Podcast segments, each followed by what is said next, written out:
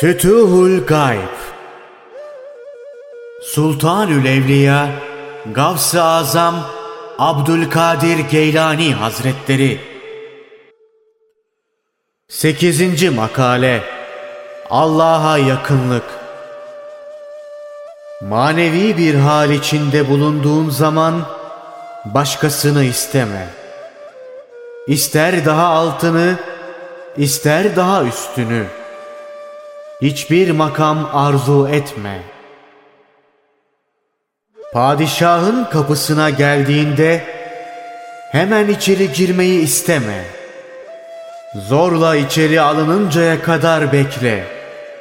Kendi isteğinle değil, zorla içeri alınmalısın. Tekrar tekrar istemelisin. Pek nazlı da olma. İçeri girmek için mücerret izinle de yetinme. Seni tecrübe işin olabilir. Belki de padişah tarafından deneniyorsun. Koşma, bekle. Ta ki seni zorla içeri alsınlar.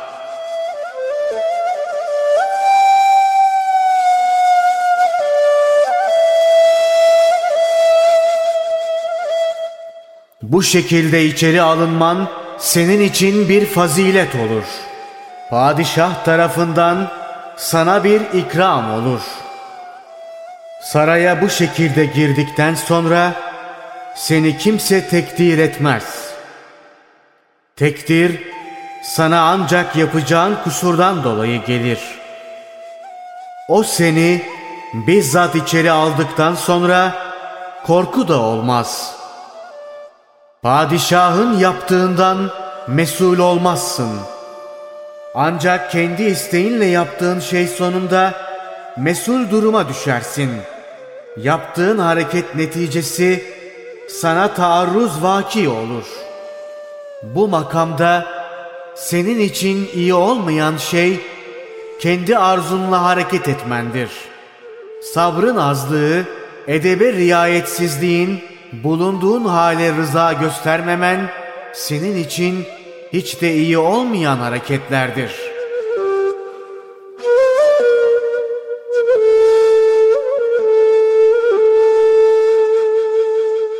Saraya girmek sana nasip olunca başını önüne eğ. Gözlerini etrafta gezdirmekten sakın. Edepli, terbiyeli olarak verilen her hizmet ve vazifeyi yapmaya çalış. Daha fazla yükselmeyi isteme.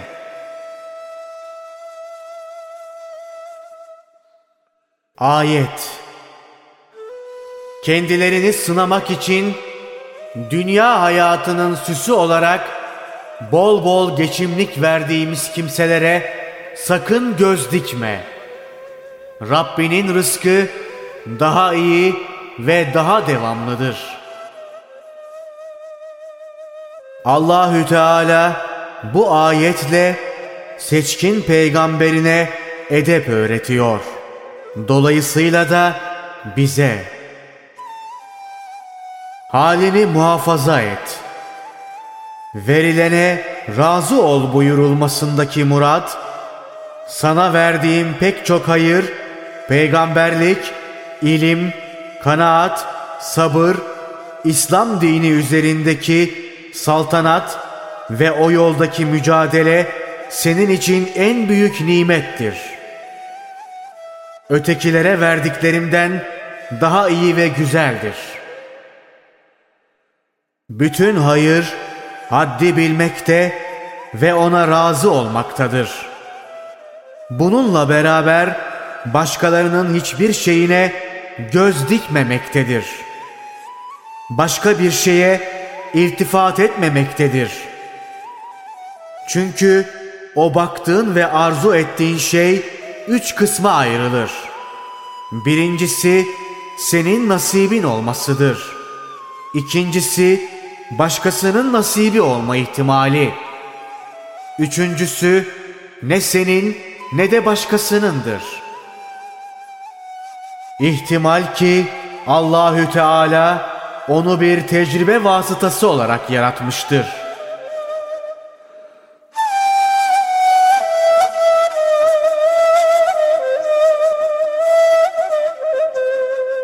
Baktığın şey her neyse, eğer o sana nasip olmuşsa, ihtirasa düşüp ardından koşsan da gelir, koşmasan da.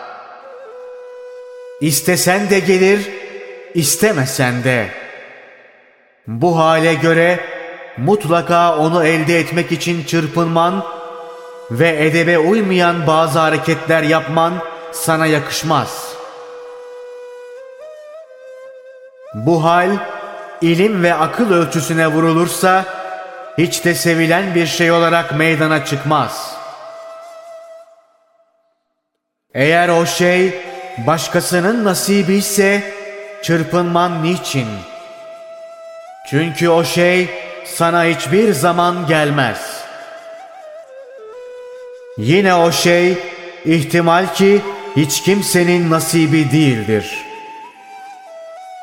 Fitne ve tecrübe için yaratılmıştır.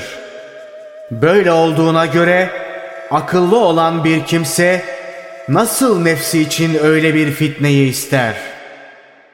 Ve kendine çekmeyi nasıl arzu eder? Bu izahlardan anlaşılıyor ki bütün selamet ve iyilik manevi hali muhafazada ve haddi tecavüz etmemektedir. Avuç içi kadar yerde de kalsan, geniş sahralara da çıksan, her ikisi de sana göre müsavi olmalı. Ve yukarıda anlattığımız halini ve edebini muhafaza etmeye çalışmalısın. Başını önüne eğ, çok edepli ol. Daha da üstün vazife görmeye çalış. Çünkü padişaha en çok sen yakınsın. Senin kabahatin daha çabuk görülür. Bu sebepten senin için tehlike daha fazladır.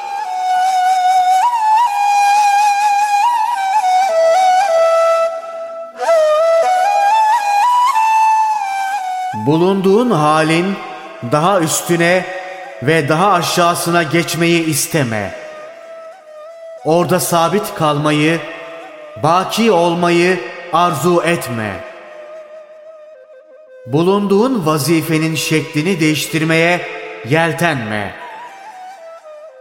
Böyle bir şey yaparsan nimetleri inkar yolunu tutmuş olursun. Bu ise dünya ve ahirette sahibini utandırır. Sonuna kadar anlattığımız şeyleri yapmaya çalış. Neticede öyle bir hale gelirsin ki o halde senin için bir makam verilir. Seni ondan hiç ayırmazlar. Sen de onun izzet ve celal sahibi Allah tarafından bir vergi olduğunu anlarsın. Böyle oluşunun delili ve beyanı meydandadır. Bunu bilir ve o halin devamına çalışırsın.